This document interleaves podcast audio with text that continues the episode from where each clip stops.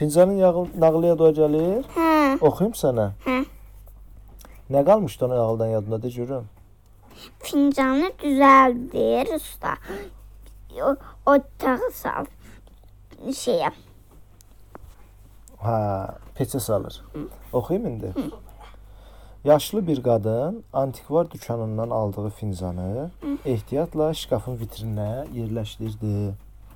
Fincanın forması, üzərindəki naxışlar, rənglər onun bir sənət əsəri olduğundan xəbər verirdi. Yəni gözəl fincan imiş. Qadın fincana ödədiyi pulu xatırladı. Əslində heç dəyə baha almamışdı.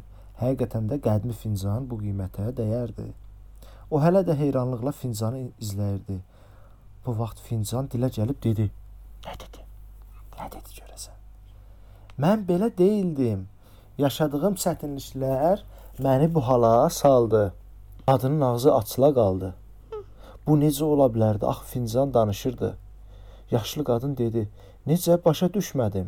Fincan dedi: "Demək istəyirəm ki, mən bir vaxtlar adicə palçıq idim. Bir gün sənətkar gəldi, usta məni əlinə aldı, əzdi, əzdi, yoğurdu. Çəkdiyim əzablara dözə bilmədim. Xahiş edirəm, kifayətdir, dayan usta, deyə qışqırdım. Amma usta gülümsədi, dedi: "Hələ yox." Sonra məni götürüb bir taxtanın üstünə qoydu. Burada döndüm, döndüm. Döndükcə başım da fırlandı. Bax görsən Sara. Nənə deyib də fincan, fincandan danışır şəkildə var. Axırda yenə qışqırdım. Xahiş edirəm məni bu şeyin üstündən xilas edin. Mən fırlanmaq istəmirəm. Amma usta yenə gülümsəyib dedi: "Hələ vaxtı deyil." Daha sonra məni götürüb sobanın içinə qoydu, qapağını bağlayıb sobanın istiliyini artırdı. Onu sobanın pəncərəsindən görə bilirdim.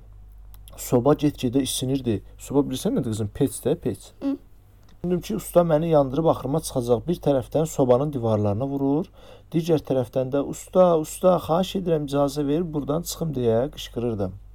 Pəncərədən onun üzünü görə bilirdim. Hələ də gülümsəyir. Daha vaxta var deyirdi. Bir saatdan sonra usta sobanı açdı, məni oradan çıxartdı. İndi rahat nəfəs ala bilirdim. Sobanın yandırıcı istiliyindən xilas olmuşdum. Məni masanın üstünə qoydu və bir qədər boya və fırça gətirdi. Fırça ilə mənə xəfifcə toxundu. Fırça üstümdə gəzişir, məni qıdıqlandırırdı. Bax, səni necə qıdıqlayıram, ey, bax eləsən. Hmm.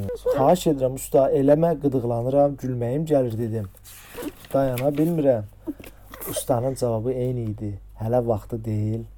Sonra məni götürüb yenə sobaya doğru getməyə başladı. Qorxudan az qala öləcəkdim. Yox, mən də bir də o sobaya salma, xahiş edirəm deyə qışqırdım. Sobanı açıb məni içəri tələdi. Sonra qapağını bağladı. Sobanın istiliyini əvvəlkin 2 qatına qaldırdı. Bu dəfə məni həqiqətən yandırıb qovuracaq deyə düşündüm. Pəncərədən baxıb ona yalvarırdım, amma o həmişə kimi sözünü təkrarladı. Amma ancaq bu dəfə ustanın yanaqlarından bir damcı göz yaşının süzüldüyünü gördüm. Birdən sobanın qapısı açıldı və ustanın nəzakətli əli məni çəkib çölə çıxartdı. Dərin bir nəfəs aldım. Həsrət qaldığım sərinliyə axır ki, qovuşmuşdum. Usta məni hündür bir rəfə qoyub dedi: "İndi tam istədiyim kimi oldun. Bir özünə bax. Bir özünə bax. Gör necə gözəl olmusan." Sakitcə dedim özümə baxmaq istəyirəm. Güzgü gətirib qabağıma qoydu. Gördüklərimə inana bilmədim. Güzgüyə dəfələrlə baxdım və bu mən deyiləm, mən adi bir nə idim? Palçıq idim. hə. Usta dərindən nəfəs alıb dedi: "Bəli, bu sənsən. Sən məşəqqət və çətinlik kimi gördüyün işlər sayəsində belə mükəmməl bir fincan oldun. Yəni sənə o əziyyətlər çəkməsiydin, belə xəmir kimi yoğurmasaydım, yumruqlamasaydım, səni sobada bişirib rəngləyib qıdıqlamasaydım, sən belə gözəl fincan olmazdın. Əgər sənin palçıq olduğun vaxt üstündə işləməsəydim, quruyub gedəcəkdin. Fırlanın dəz fırlanan dəzgahın üstünə qoymasaydım, ovulub toz olacaqdın. İsti sobaya salmasaydım, çatlayacaqdın. Boyamasaydım, həyatında rəng olmayacaqdı. Bu da bunu da deyim, sənə əsl və güc, güc qüvvəti verən ikinci soba oldu. İndi əsl mən istəyən kimisən. Mən də utana-utana dilləndim. Usta gərək sənə güvənəydim.